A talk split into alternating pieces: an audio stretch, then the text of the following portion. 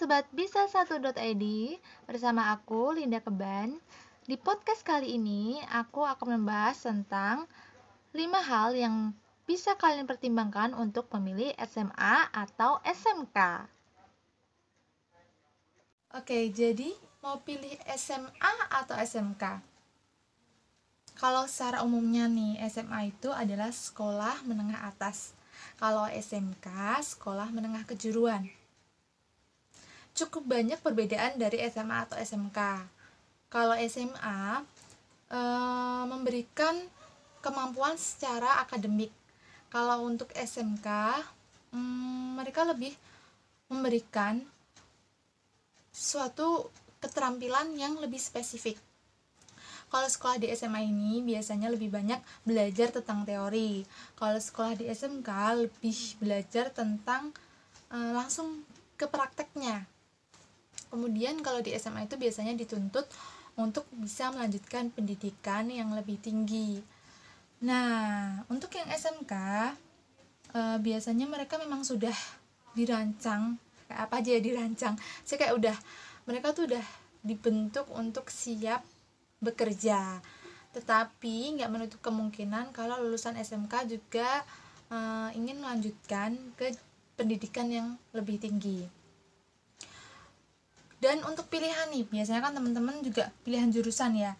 Biasanya jurusannya kan e, pengennya sesuai dengan keinginan kalian kan. Kalau di SMA itu biasanya e, lebih sedikit dan umum seperti jurusan IPA dan IPS tapi ada juga e, eh, SMA yang ada jurusan bahasanya Nah, untuk SMK itu jurusannya lebih variatif, lebih banyak banget.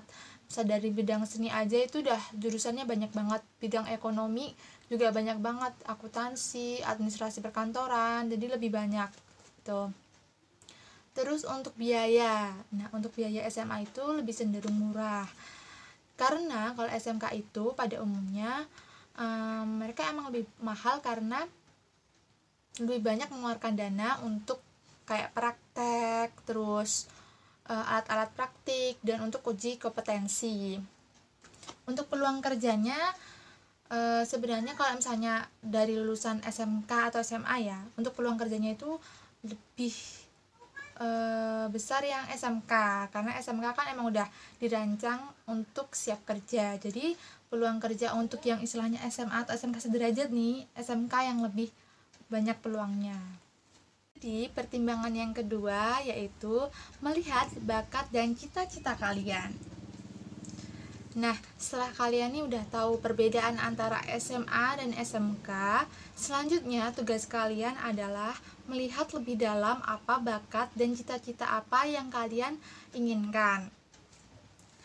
Uh, jadi kan bisa tanya sih sama diri sendiri sama diri kalian sendiri sebenarnya potensi apa sih yang bisa aku kembangin setelah aku misalnya milih SMA atau SMK gitu.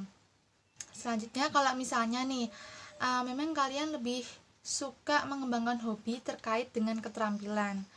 Ya berarti uh, sekolah SMK lah yang lebih tepat.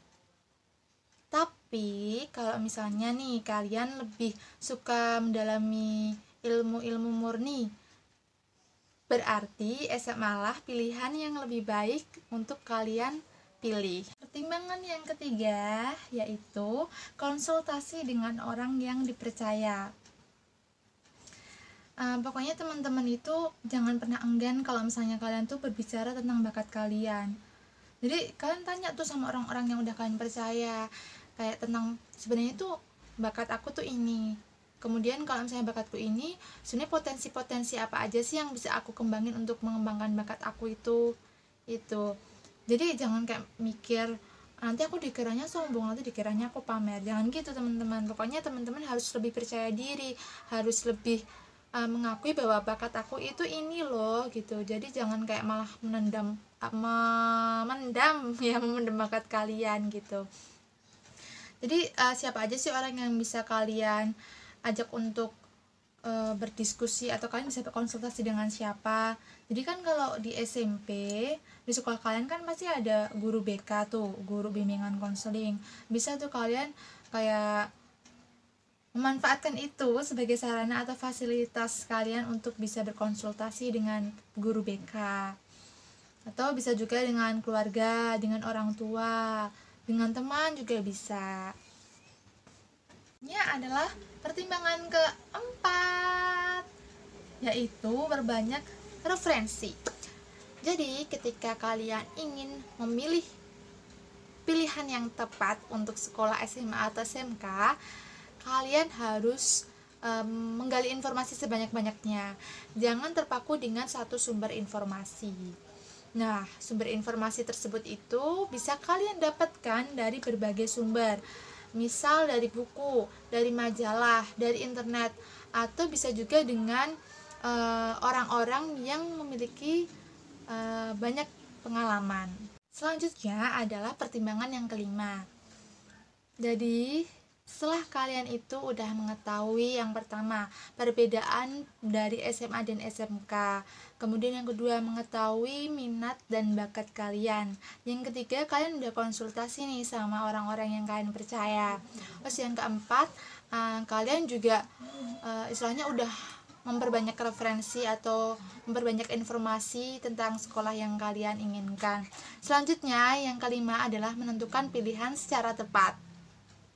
Oke, jadi buat kalian yang baru aja lulus SMP, jangan pernah ragu untuk menentukan pilihan kalian. Uh, karena pilihan yang kalian tentukan itu akan berdampak di masa yang akan datang.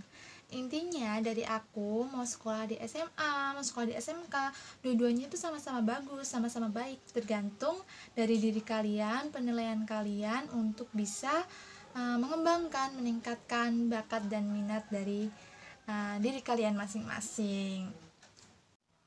Semoga lima pertimbangan yang aku sharingkan kepada teman-teman bisa membantu teman-teman untuk memutuskan pilihan antara sekolah di SMK atau di SMA. Ya, Sobat bisa id sukses untuk menentukan pilihan kalian yang secara tepat dan sukses terus untuk kita semua. Sekian dari saya Linda Keban. Bye bye.